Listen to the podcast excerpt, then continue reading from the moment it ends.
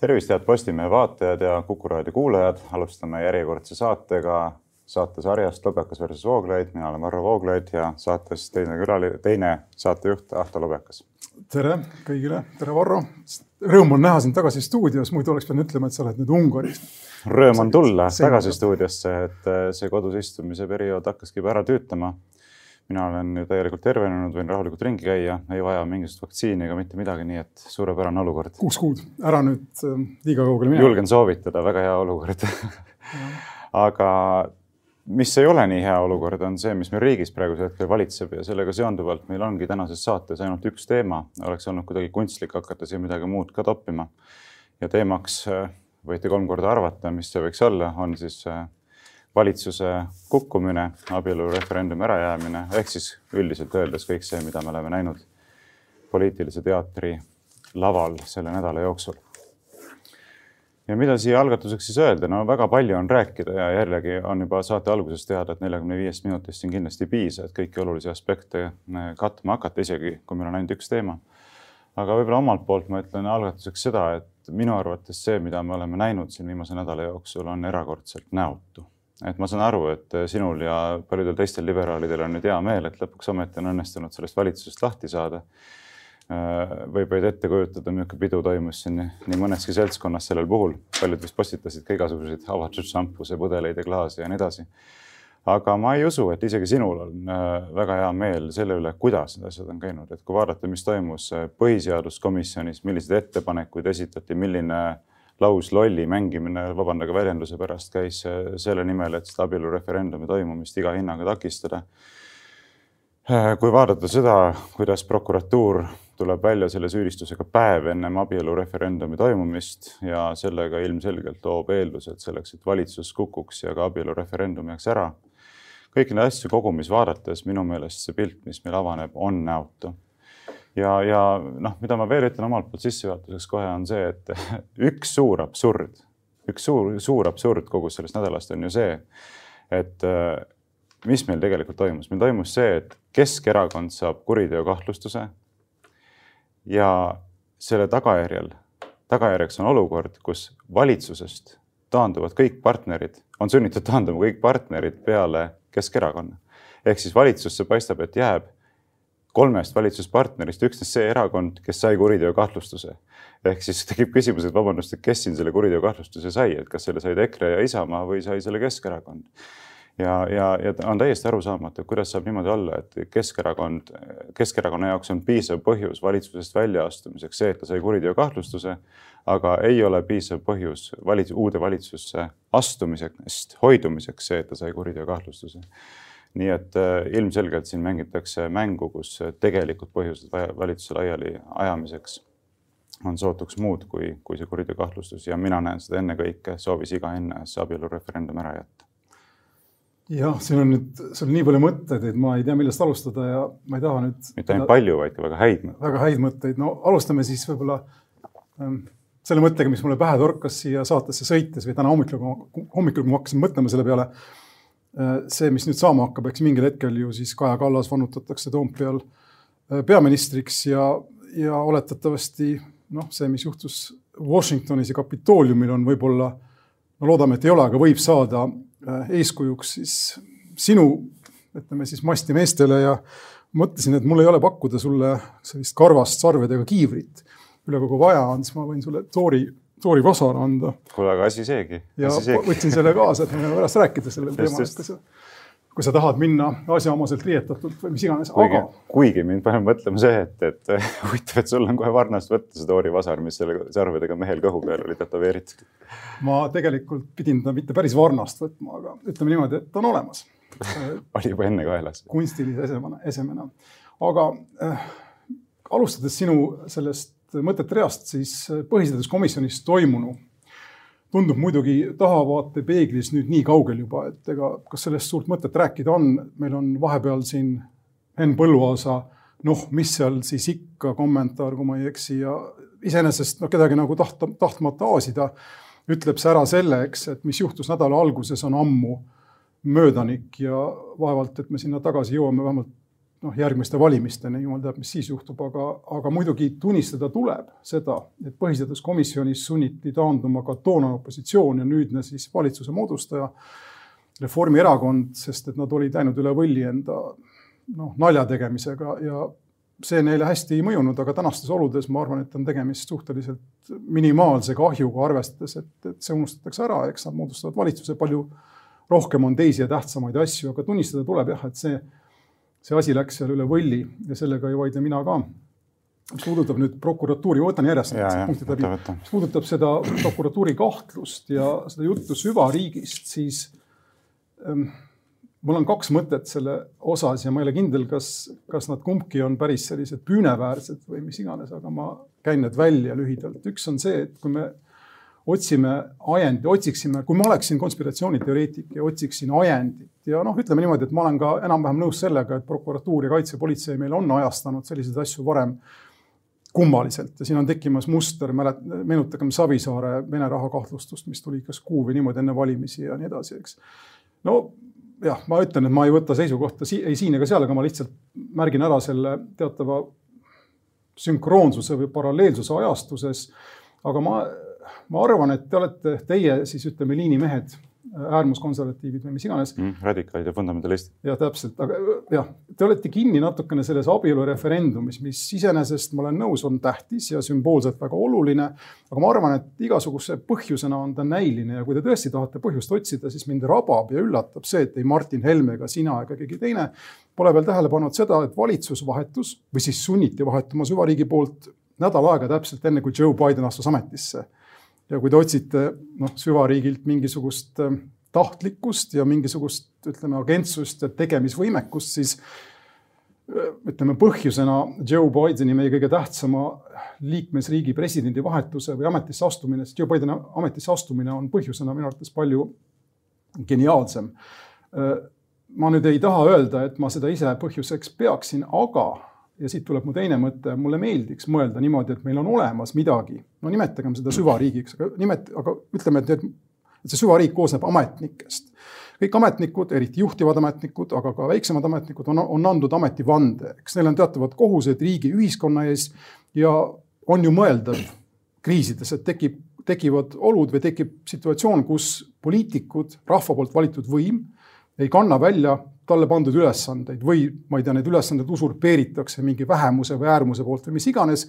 ja siis on ametnikud need, kelle kanda on otsus, otsustada siis, mis saab edasi, kas täita käske, mida nad peavad riigi, ütleme vaatepunktist, ühiskonna vaatepunktist kahju toovateks või mitte täita kah, selliseid käske ja no vaadata selle nüüd lahkuva valitsuse viimast kahte aastat, ehk siis üks asi, mida nad teinud on kahe aasta jooksul, on, on ju põhimõtteliselt kirvega mindud selle puu kallale, no mille, mille peal Eesti täna maailmas seisab, kõik liitlassuhted on põhimõtteliselt võetud ette.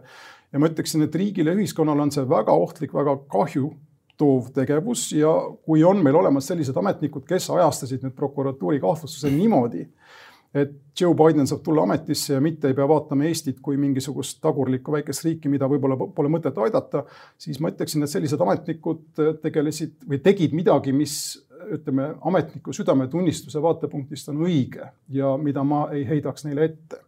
kuigi ma saan aru, et tegemist on väga vastuolulise tundliku teemaga, sest et kui alati või ütleme, iga päev ametnikud hakkasid, hakkaksid otsustama poliitikute eest, siis on meil probleem, aga olukorras, kus ja seda me oleme näinud ja teatud mõttes sa seda ka tunnistad, kus poliitikud ei saa enam riigi juhtimisega hakkama, ei tule enda ülesandega toime, siis kellele langeb see vastutus riigi ühiskonna eest? ma ütleksin ametnikele aga kuule, mõtle korraks, mida sa praegusel hetkel rääkisid, sa räägid põhimõtteliselt seda, et sinu arvates on suurepärane, et kui USA-s toimub võimupööre ja see poliitiline reaalsus Eestis ei ole kooskõlas selle uue poliitilise reaalsusega, mida USA-s luuakse, siis põhimõtteliselt ei saa pidada taunimisväärseks seda, kui nimetagem seda siis süvariigiks või, või spetsiifiliselt ametnikkonnaks, õiguskaitsestruktuurideks, prokuratuur, kapo, mis iganes, eks et kui need võtavad siis ohjad enda kätte ja põhimõtteliselt astuvad vajalikud sammud selleks, et viia Eesti poliitiline reaalsus USA poliitilise reaalsusega nagu sünkrooni või harmooniasse. et kas sa tegelikult tõesti nagu tahad öelda, et sa oled sellise positsiooni pooldaja? et sellisel juhul me saame ju öelda täiesti selgelt, et kogu jutt Eestist kui mingist demokraatlikust õigusriigist on ju täielik nali. ja, ja, ja ma ei kujuta ette, et sa oleksid nagu seda meelt, et äh, kui näiteks Trump tuleb Ameerika Ühendriikides vali, tuleb võimule, siis võiks samamoodi, ütleme, kaitsepolitsei ja prokuratuur sekkuda selleks, et kukutada Reformierakonna ja Keskerakonna valitsus ja tuua valitsusse Isamaa ja EKRE, eks ole, et siis sa räägiks ju sellist juttu. aga see mõte, kusjuures käis mul ka peast läbi, see on iseenesest ju selline geniaalne, ütleme, mitte geniaalne, aga ütleme selline novelistlik või noh, faabula, eks. kui me oleksime Iisraeli või veidikene ka Soome sarnane riik ja kui me oleksime otsustanud, et Venemaa kõrval elades meil on vaja USA toetust maksku, mis maksab ja seda ausalt öeldes seda vaatekohta on ju väljendanud ka EKRE lõppkokkuvõttes, nad ei ole sellest nagu lahti öelnud, eks USA on tähtis liitlane. USA-lt tahti ju kahe miljardi eest, taheti kahe miljardi eest laenu, kui ma mäletan, kui EKRE tuli võimule või kahe miljardi eest, ma ei tea, sõjariistu ja nii edasi, eks. Nad ei eitanud seda liitlassuhet, aga oletades, me oleme selline Iisraeli või Soome sarnane riik, mis on võimeline no nagu ühe rusikana mobiliseeruma, et läbi ajaloo minna ja ennast püsimas hoida ja muud sarnast, siis kujuta ette, äh, kui noh, kui, kui hästi meil läheks, kui me oleksime võimelised, Trump tuleb võimule, lükkame sildi ette EKRE, tuleb võimule Joe Biden, lükkame sildi ette Reformierakond, aga need kõik on ainult maskid, eks ka, ka, ka nii võib mõelda, see on nüüd, see on nüüd nali, aga ma tahan tulla nüüd selle. võib nii tulla, aga ma tahan. oota, ma tahan tulla selle juurde tagasi, mis, mis sa ütlesid selle rahvavõimu kohta.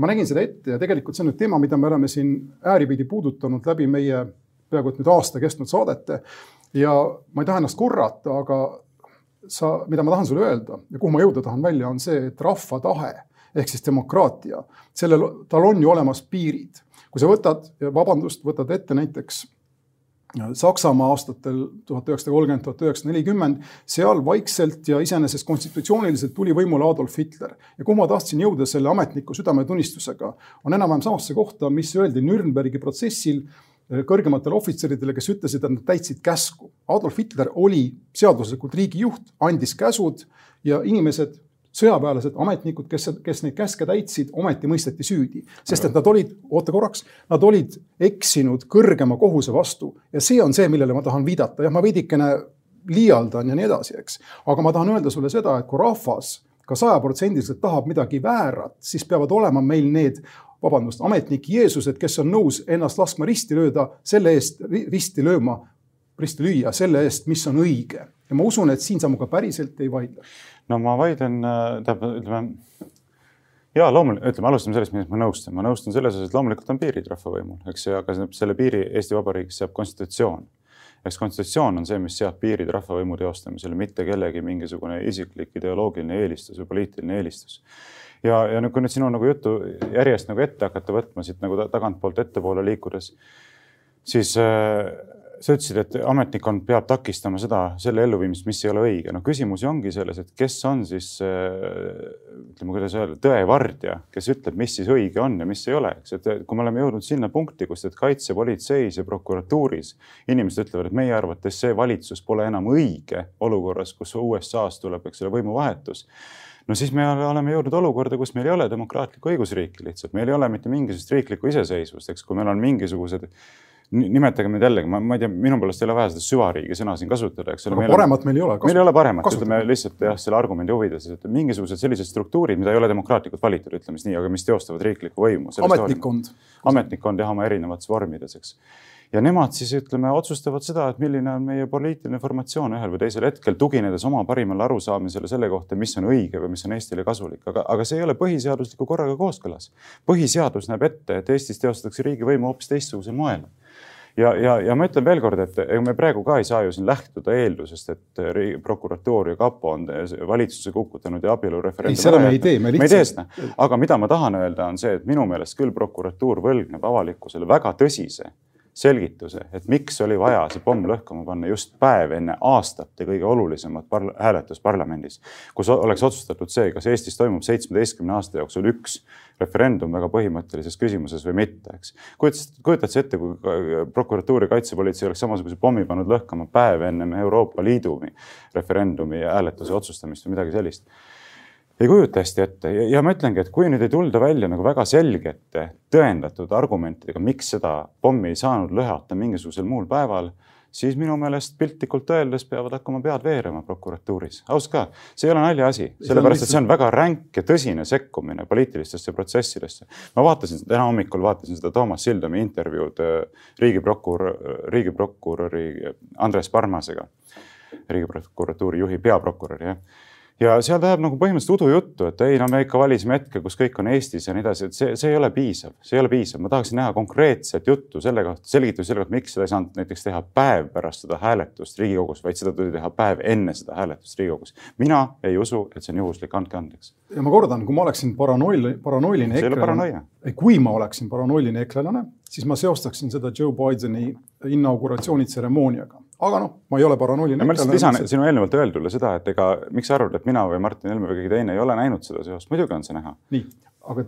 vaevalt, et seegi juhuslik. aga olulisemad mõtted, rääkides nüüd korraks veel sellest, kus see piir, ütleme ametniku südametunnistuse või vande, vandekohustuse või mis iganes ja rahva võimu vahel jookseb, siis loomulikult ei arva ma, et äh, niipea kui Joe Biden tuleb võimule, siis tuleb meil vahetada valitsust, see oli, see oli nali teatud mõttes, eks, mida ma tahtsin öelda ei olnud see seos otseselt, see Joe Bideniga seos või mis iganes on, on, on nagu teatud mõttes nagu see rahvahääletus, ta sümboliseerib midagi, aga mis on olulisem, on seal taga ning ma, või kaugemal taga ning mida ma kujutan ette, ametnikud kindlasti on Eestis tähele pannud alates presidendist ja ütleme, meie sellest julgeoleku establishment'ist, mis on ka omaette problemaatiline noh, ütleme kooslus, aga täna või hetkel ma arvan, tal on õigus. mida nad on näinud, on viimase kahe aasta jooksul, nagu ma ütlesin tõsine tendents selle suunas, et Eesti irdub enda lääneliitlastest ning on sunnitud otsima tuge mujalt. kui te ütlete, et mujalt tuge pole vaja, saame üksi hakkama, siis te eksite, ma arvan, noh, ütleme EKRE ja sellised jõud. ja need ametnikud otsustasid võib-olla, et midagi on vaja teha, et Eesti ei kaotaks enda iseseisvuse, enda sõltumatuse ja seega siis ka enda vabaduse ja õigusliikluse ja muu sarnase tähtsamat tuge midagi on vaja teha, kuna poliitikud ilmselgelt seda meie ilmapuud raiuvad, eks, juurelt. Ja sellises situatsioonis peab sellel ametnikkonnal olema teatav noh, tegevusvabadus, neid ei saa kohe, neil ei saa kohe päid maha võtta, ma ei taha öelda, et see on iseenesest isegi peaaegu et ma ei taha isegi öelda, et see on konstitutsiooniline, aga ma tahan öelda, et selline mõtlemisruum peab sellel ametnikkonnal olema, vastasel juhul võib nad asendada ju lihtsalt mingi kunstintellektiga, kunst, kunstintellektiga, intellektidega lõpuks, kellele poliitikud annavad käske. nüüd ma küsin sinult, kas sa tahad minna kohe selle teema juurde, mis täpselt võis juhtuda selle ajastusega või me räägime veel natukene üldistest printsiipidest, sest mul on, mul on ka päris, päris üks mõte selle kohta, miks see ajastus selline on, ütleme siis poliitilisest situatsioonist vaadatuna, ehk kas Keskerakond tõesti organiseeris midagi või organiseerib midagi? no ma tahan küll kommenteerida seda, mida sa just rääkisid, me võime edasi minna, kui sa leiad, et sa ei taha omalt poolt seda kommenteerida, aga mida ma ütlen, see, et see, mida sina, tegelikult on hästi huvitav olukord.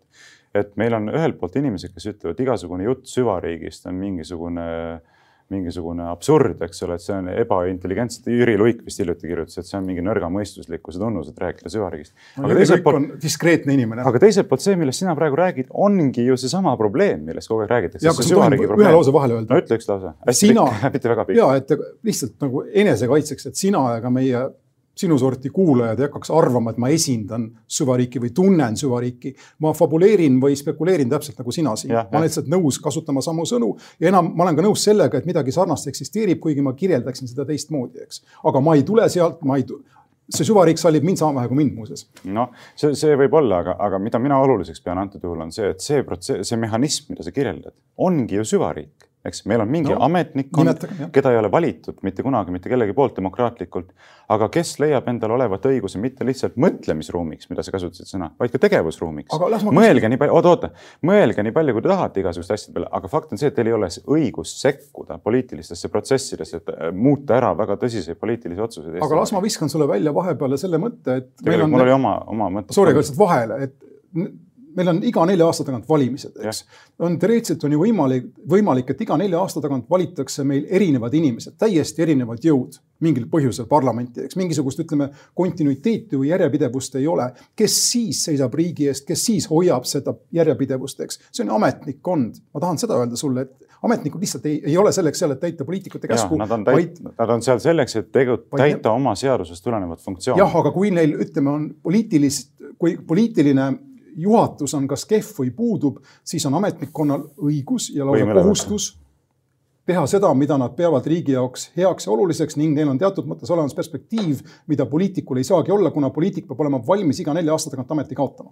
no vaata, siin ongi see küsimus, et eh, kui nad hakkavad ise langetama otsuseid selle kohta, millal on olukord piisavalt halb, et nemad peaksid sekkuma ja hakkama ise võimu, poliitilist võimu teostama põhimõtteliselt, siis meil on väga-väga tõsine probleem. ja ma olen nõus, ma arvan, et sa oled nõus, eks. nõus, aga võib-olla ma ütleksin, et see, võiks juhtuda korra põlvkonna jooksul, see ei tohiks juhtuda iga aasta, see on no, selge. aga ma küsin su käest konkreetse küsimuse, et eh, kujutame nüüd ette, oletame, et poliit-, et sekkuti reaalselt praegu poliitilisse protsessi, taheti jätta ära see referendum.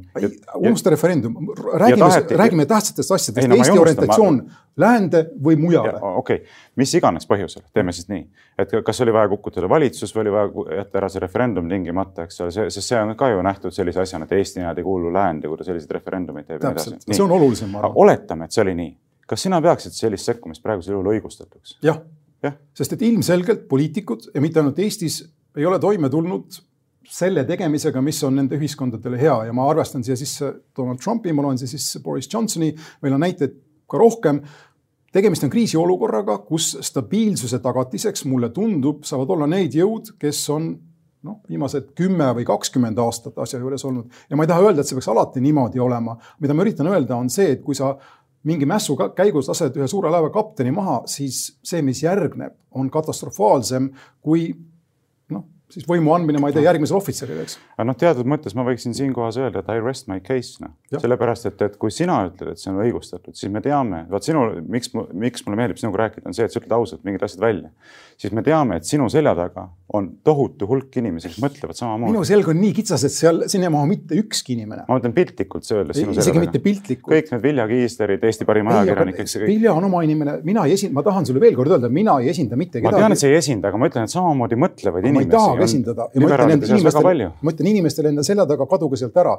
aga mida ma ütlen sulle lihtsalt. Toomas Sildamit, kogu ERR-i seltskond, et väga paljud ajakirjanikud, bürokraadid prokuratuuris aga..., kaitsepolitseis, neid inimesi ongi ilmselt väga palju, kes mõtlevadki nii, et nende aga... kohus on võtta maha ja. see poliitiline formatsioon, kui see nende arvates on Eestile kahjulik. ja, praegu... ja see ongi probleem. ja las ma ütlen siis veel paar lauset, praegu ma olen nendega nõus, üldiselt miks ma nendega nõus olen, on, on, on põhjus, mis on tegelikult natukene paradoksaalne ja mis sulle tundub võib-olla ütleme siis ebaõiglasena, aga viimased kaks aastat on tehtud revolutsiooni. mina liberaalina olen revolutsiooni vastane.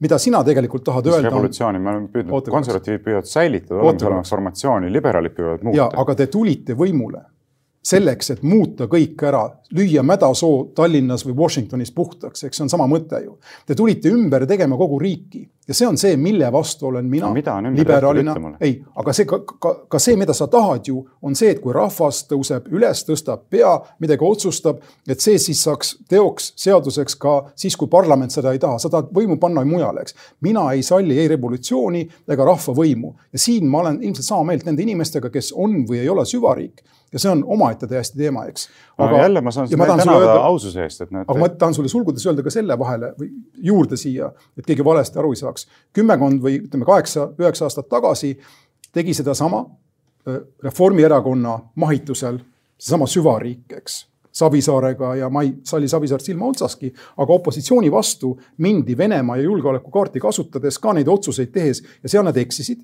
Ja nende, selle, nende eksimuste eest tuleks toonasel suvariigil vastutada, sest et tegemist oli teatud mõttes klikimõtlemisega, aga täna ei ole tegemist klikimõtlemisega, vaid hädaabinõuga no ei vastuta ju mitte keegi mitte millegi eest, esiteks nad ei tunnistagi, et keegi on üldse millessegi sekkunud, nad ei hakka üldse põhjendama, miks nad on sellisel viisil käitunud, esiteks ei võta mitte keegi enda peale isegi seda vastutust, et ütleks, kes need otsused tegi, eks ole, me ei teagi nimeliselt, eks ole, see on mingi udune mingi ametnikkond, eks ole, kes tegutseb niimoodi nähtamatul kujul, erinevalt poliitikutest, kes oota, peavad hääletama nimeliselt. vaata üheksa aastat tagasi, kaks tuhat või isegi rohkem, millal oli see Savisaare kaasus, välja tuli sellega kaitsepolitsei ja president minu arvates korraga praktiliselt ja siis valitsus tuli natukene hiljem taha, et mitte jätta muljet, et see oli valitsuse ettevõtmine. ma ei saa sellest praegu rääkida, sest ma ei mäleta, ma ei ole no, sellega. ma olen veidike vanem mees, ma mäletan, ma tahan, ma tahan öelda seda, et kui sa tõesti tahad vaadata neid noh, struktuure, mehhanisme ja aru saada, kes, kes kuidas võib kellegagi koos käia, siis vaata seda, mis juhtus toona.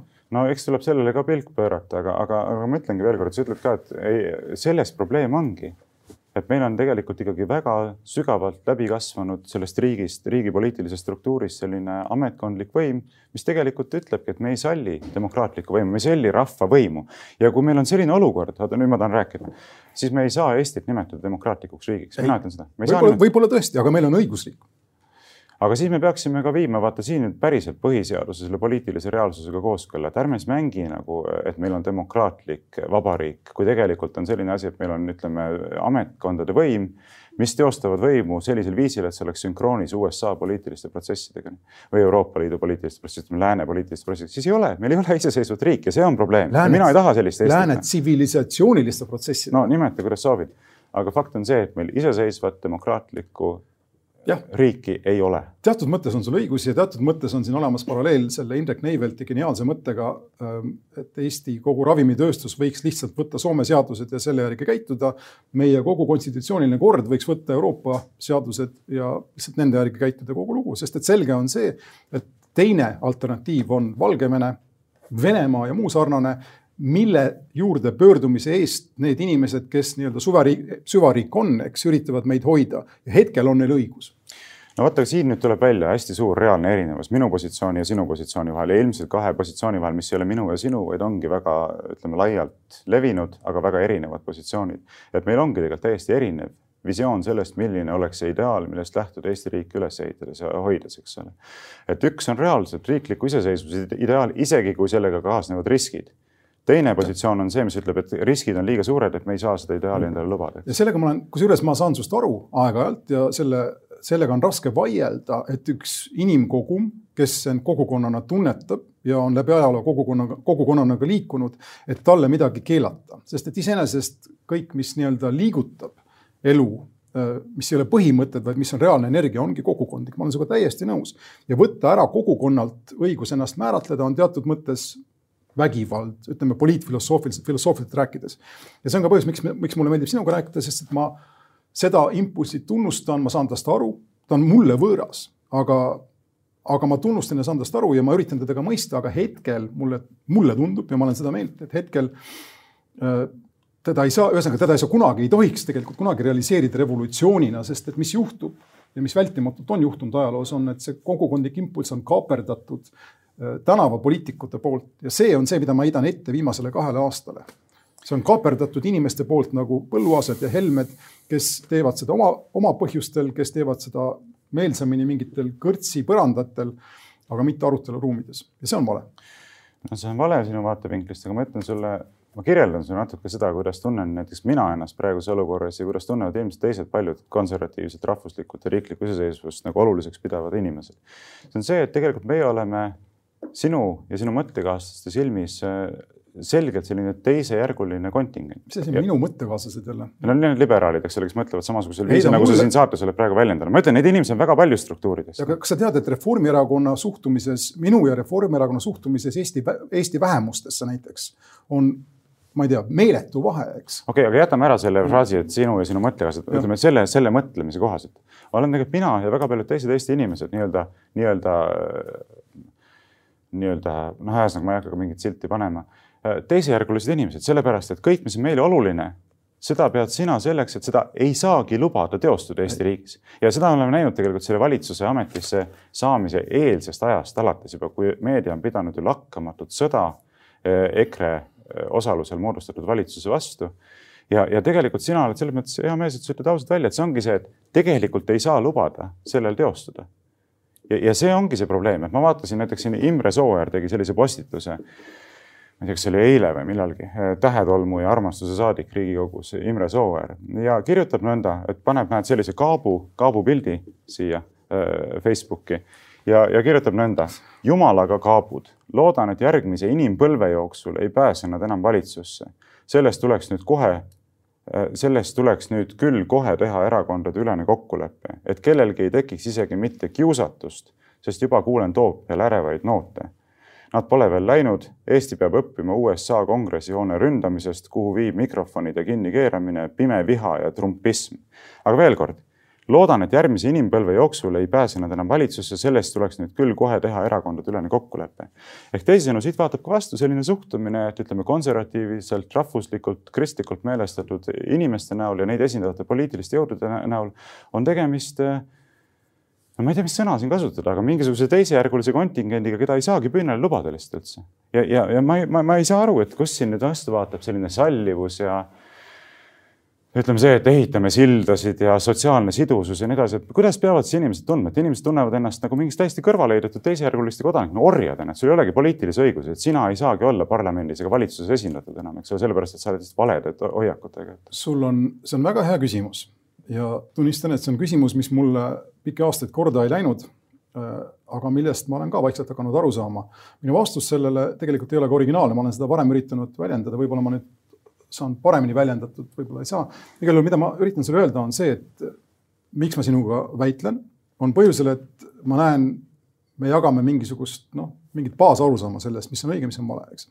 mina ei jaga seda baasarusaama EKRE poliitikutega ja mul on kahju sinust, kuna sa pead olema nendega ühes voodis, vabandust nüüd selle poliitilises voodis, selle, see on selline Helir-Valdor Seederlik väljend, eks, aga, aga noh, nii ta on aga mida ma tahan öelda nende inimeste kohta, kellest sa räägid, keda sina ei kipu poliitiliselt esindama ja mistõttu sul on ka minu respekt, eks, aga keda teised kipuvad poliitiliselt esindama ja mida nad teevad selle niimoodi esindama kippudes, ütleme siis perekond Helmed, on sõna, sõna otseses mõttes üks-ühele täpselt seesama, mida kunagi Nõukogude aja lõpus, Eesti aja alguses tegid koloosi, ma ei tea, esimehed ja kes iganes üritasid valituks saada, kohalikud inimesed ostsid viina. iga, igaüks, kes sind valis, sai pudeli viina, eks selliseid skeeme on päris palju olnud. Perekond Helmed ja Henn, Henn Põlluaas ja teised EKRE poliitikud on selle pudeli viina asemel pakkunud neile sosku mingisugust rahvus, ma ei tea, romantismi või mis teeb inimese südamelt korraks soojaks, aga mis reaalselt, mida reaalselt olemas ei ole ja mis tegelikult mängib noh, pakub asju, mida poliitikud kunagi pakkuda ei saa ja mängib inimeste madalatele instinktidele peale kauba, eks, kui on must näite ust ja muu sarnane, mis üldse tegelikult rahvusse kuuluma ei peaks. ja see on põhjus miks sellised inimesed ei peaks pääsema parlamenti, aga see ei tähenda automaatselt, et selliste inimeste või nende hääletajate vaated ei peaks kusagile jõudma, see on kaks täiesti eri asja. nojah, aga kuidas nad siis peavad jõudma? ärge müüge enda häält odavalt. kuidas ärge, nad peavad jõudma parlamenti valitsusega, mitte läbi nende poliitiliste jõudude, kes mingi kõige enamal määral neid vaateid nagu esindavad? kui sa lähed näiteks mõnda maakohta ja küsid inimestele, hakkad lihtsalt räägid kohalike inimestega, sa avastad kiirelt, et tegelikult neile ei lähe korda, kas keegi on must või gei, tegelikult läheb neile korda see, kas elu maa, maakohas on normaalne, mõistlik, paraneb või ei parane, eks. ja inimesed, kes tahavad esindada selliseid, ütleme siis valijaid, ma pakun, peaksid tegelema nende tegelike probleemidega, mitte panema neile pähe asju, mis katavad kinni ideoloogiana selle, mis neile tegelikult korda läheb. no esiteks ma arvan, et sinu hinnang selle kohta, mis inimestele korda läheb, on meelevaldne. inimestele lähevad no. küll korda näiteks see, et Eestis ei oleks massilist mingisugust immigratsiooni Aafrikast või kuskilt maalt Lähis-Idast. inimestele läheb küll korda see, et säiliks abielu vastu austus, perekonna mõiste vastu austus, et säiluks äh, abi, austus Eesti kui demokraatliku riigi vastu, rahvusriigi vastu põhiseaduse alusväärtustes, need asjad lähevad korda, inimestel lähevad väärtused korda, ei ole inimesed ainult selline nõus. loll mass, kes tahab, et tal oleks natukene nõus. rohkem putru, nõus, rohkem võit peale panna. nõus, aga ütle mulle siis, miks läks EKRE valimistele, tundes vajadust ässitada üles võõraviha, no, islamivastaseid tundeid, nii edasi. Eestis ei ole palju isla-, ei ole palju moslemeid no., Eestis ei ole palju sisserännanuid, see kõik on tegelikult täiesti fine. aga ma arvan, et väga paljudele Eesti inimestele ongi oluline, et Eestist ei saaks sellist riiki nii, nagu so aastat... Soome või Rootsi või kuskil massilise immigratsiooniga ühiskondlik reaalsus täiesti muutunud, ei tahagi seda. ja, aga põhimõtteliselt ka Reformierakond läks eelmistele valimistele kaks tuhat, mis, mis iganes, kaks tuhat üheksateist platvormiga, et mingit massi, massiimmigratsiooni ei tule, isegi Sotsiaaldemokraatlik Erakond läks valimistele platvormiga, et massiimmigratsiooni ei tule. aga samas ei ole ju mõistlik ka teha sellist nägu, nagu selline perspektiiv ei oleks realistlik, et Eestis võib tekkida selline aga olukord, kus tõesti... soodsad poliitilised jõud, Saksamaad vaata, vaata Prantsusmaad, kes ei saa oma olukorraga praegu hakkama, eks ole, vaata Suurbritanniat, eks, Belgiat, eks, ja igal pool on teostunud selline, aga vaata Eestis ei ole mingit ohtu, eks, et ma arvan, et see on lihtsalt vale. Saksamaal aga... ja Belgias ei ole mingeid probleeme. mitte mingeid probleeme ei ole reaalselt vähemus. immigratsiooniga. Päris reaalselt probleemi. eitad üldse, et on probleem? see, mis kaks tuhat viisteist, kaks tuhat kuusteist juhtus, on Saksamaa, selle on Saksamaa absorbeerinud, on selle sisse võtnud, see on juba uus Saksamaa, tal on mitte muutunud Saksamaa. Belgial on perspektiiv, kus lähikümnenditel on moslemid enamuses selles ühiskonnas. mis siis juhtub lõppkokkuvõttes? no mis sa arvad, mis siis juhtub? demokraatlik õigusriik. mitte midagi ei juhtu, sa oled Belgias elanud elanud. meil on see vahe, et ma olen elanud üksteist aastat Belgias ja ma ütlen sulle, mitte midagi ei juhtu. muidugi juhtub. ja seni enne.... selleks ei pea elama seal, et aru enne... saada, et see on väga tõsiselt see ongi viga, mille teevad inimesed nagu sina ja teevad, teeb ka EKRE, te üritate müüa Eesti tavalisele inimesele mingit visiooni sellest, mida te ise ju. kas sa oled Tallinna kesklinnas elanud? ei, ja olen küll jah. oled jah, okei okay.. Kreutzwaldi tänaval. okei okay,, ma ei tea, kas sa oled Kadriorus elanud? no Kreutzwaldi tänav on peaaegu et Kadriorg, noh. no selge, et äkki me hakkame linnajao haaval küsima, eks ole, kui sa seal elanud ei ole, siis ära räägi ka selle linnajao probleemi. aga mõte on, mõte on ju sügavam, kui sa pole mõnes ühiskonnas elanud, sa ei saa seda ühiskonda ju tunda või saad või? kuidas sa saad tunda siis? kuule, ega siis inimese protsess, võime protsesse mõista ei ole seotud üksnes tema mingi meelelise kogemusega. inimene on intellektuaalne olend, sa oled suuteline ju protsessi analüüsima ka ilma, eks ole, ise seda läbi proovimata. samamoodi oleks... nagu sa saad aru, et eks ole, et kümnendalt korruselt alla hüpata äh, on üsna valus, ilma et sa oleksid pidanud seda tegema. aga kuidas on moslemite enamus ühiskonnas võrreldav minu enesetapuga, eks no,? ei no ma lihtsalt tõin banaalse näite, aga lihtsalt sa saad ise väga hästi filosoofiat õppinud inimesena aru, et eks ole, et ainult meeleline tunnetus aga ma olen sellest. aga ma ei taha sinna kinni. ei oota, üks hetk, ma lihtsalt tahan sellele korraks ühe või kahe reaga vastata.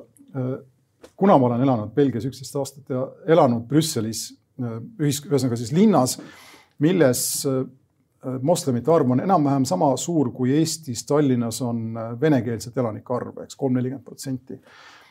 ja aastani kaks tuhat viisteist, mina lahkusin kaks tuhat kümme lõpus. selle ajani ei olnud mul mingeid probleeme. no selge, ma võin sulle rääkida pikad jutud ma räägin sulle ühiskonnas prantsuse olnud... tuttavadest, kes on Pariisist kolinud ära Eestisse, kuna nad ei julge seal enam elada, nad ei saa oma lapsi välja saata õhtusel ajal. sellepärast, et kuritegevuse tase on nii kõrge. kusjuures Prantsusmaa midagi muud, Prantsusmaa nimel ma ei julge rääkida, kuigi ma olen ka seal väga tihti käinud, aga mida ma tahan öelda, on sulle see, kõik muutus kaks tuhat viisteist selle kriisiga ja muutus mitte moslemite käitumise tulemusena, vaid muutus nende idiootlike ja noh, paljuski mõistetavate, aga idiootlikult üles puhutud hirmude tulemusena, millega siin Eestis näiteks ja mujal ka hakkasid inimesed rääkima mingisugustest moslemitest, kes tulevad naisi vägistama edasi ja nii tagasi, eks. aga see on ju reaalsus. vaata Soomes, kes vägistavad hirmud, naisi, kes hirmud, panevad toime seksuaalkuritegusid? see on juba peaaegu, et jutt, mille eest võib hakata keegi sind kohtusse kandma no,. ei, aga Soomes, no. kes panevad. Soomes toime ebaproportsionaalselt palju igasuguseid seksuaalkuritegusid? eestlased, ma pakun. eestlased. okei, no aga vaatame seda statistikat lähemalt aga okei okay,, võib-olla siin saate lõpupoole veel peakski pöörama pilgu sinnapoole, et mis meil nüüd siis nagu ees ootab, et kui nüüd tuleb siis kahe liberaalse partei eh, poolt moodustatud valitsus, Keskerakond ja, ja, ja Reformierakond, mõlemad ALDE parteid, eks. ja, ja ikkagi mina tuletan, sina arvad, et seal ei ole midagi pistmist selle valitsuse vahetusega, mina arvan, et on.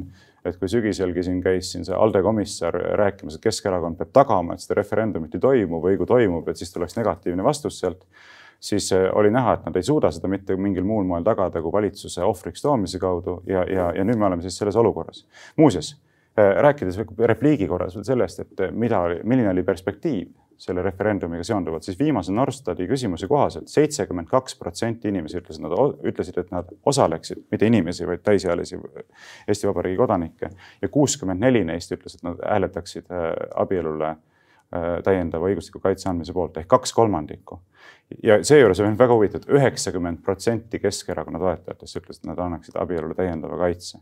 nii et me näeme ka Keskerakonna käitumisest, et nendel on palju olulisem see, need juhised, mis neile antakse Euroopa mingisuguste funktsionäride poolt, kui see, mida ootavad neilt äh, nende enda valijad.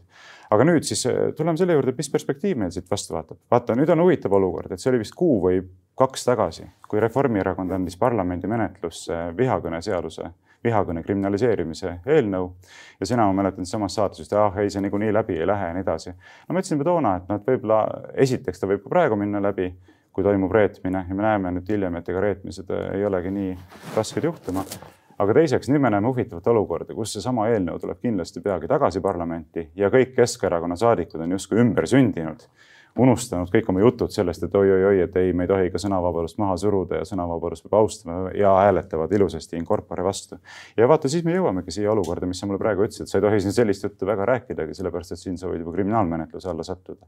saad sa aru, et me oleme nüüd jõudnud olukorda liberaalide eestvedamisel, kus mina pean siin saates rääkides hakkama arvestama sellega, et minu suhtes võidakse kriminaalmenetlust algatada. sa ei saa lihtsalt süüdistada inimgruppi ilma igasuguste alused, iga, igasuguse aluseta. mis igasuguse aluseta? aga statistika. põhimõtteliselt ma tahaksin, ähm, ma tahaksin siin natukene võib-olla lohutada või see on vale sõna. ega ma nutma ei kavatsegi hakata. ühesõnaga, see on vale sõna, ma lihtsalt tahan öelda seda, et asjad ei ole kaugelt nii hullud, kui sa arvad. esiteks äh, olukord, kus äh, katoliiklased on söönud ja geid on terved, seda me siin kaks aastat proovisime ja see, see ei toimi.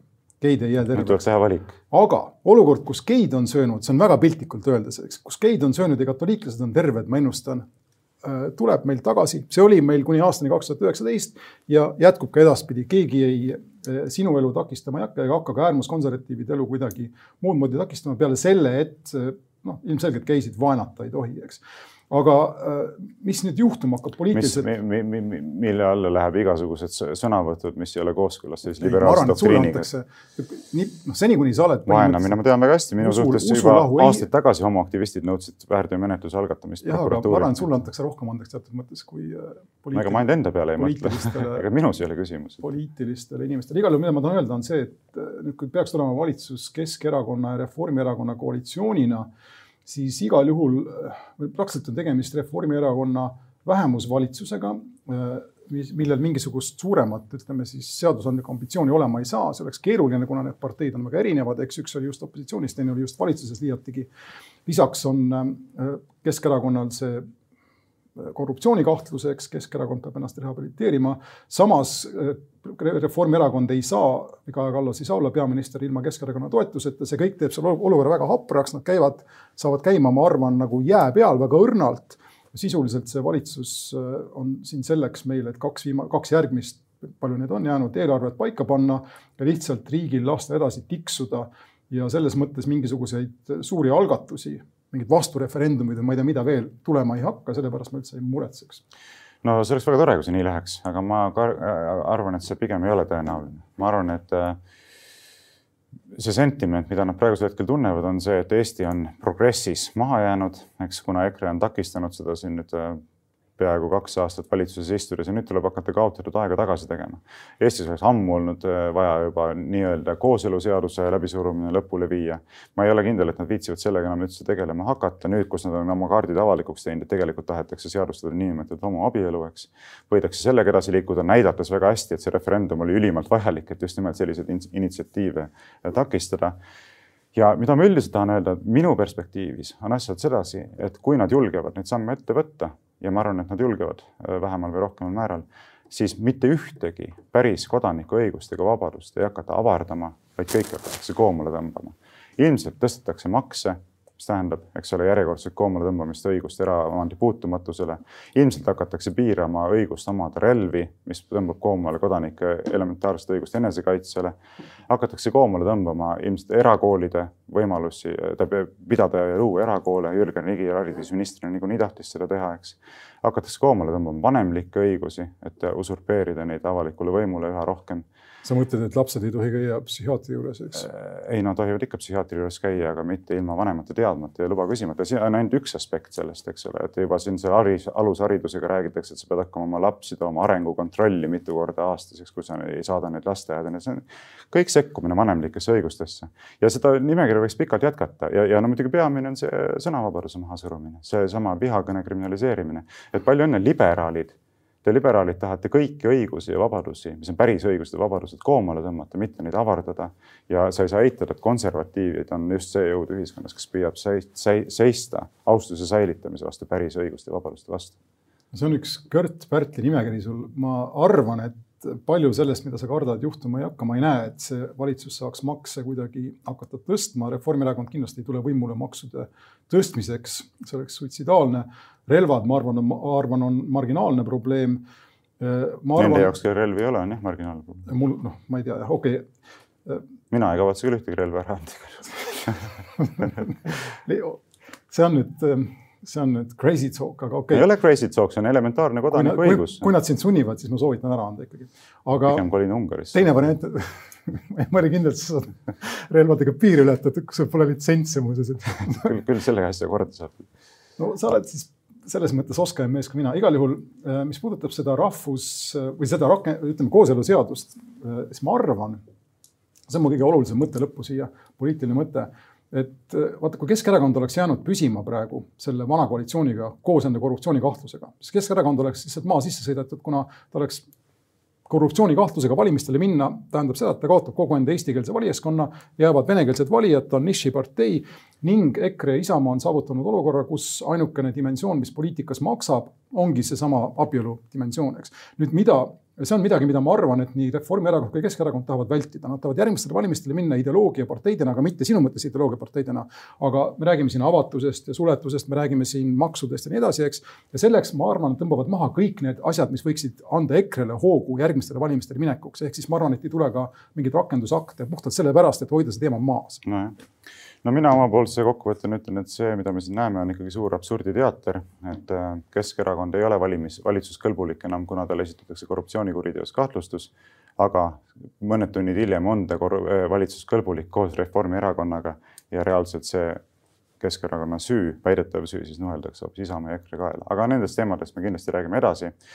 suur tänu kõigile vaatamast ja kuulamast, selline saigi seekordne saade kordame üle, et seda saab kuulata Kuku raadiost laupäeval ja Postimehe podcastist ning oleme eetris tuleval nädalal reedel samal ajal. kohtumiseni. kena talve.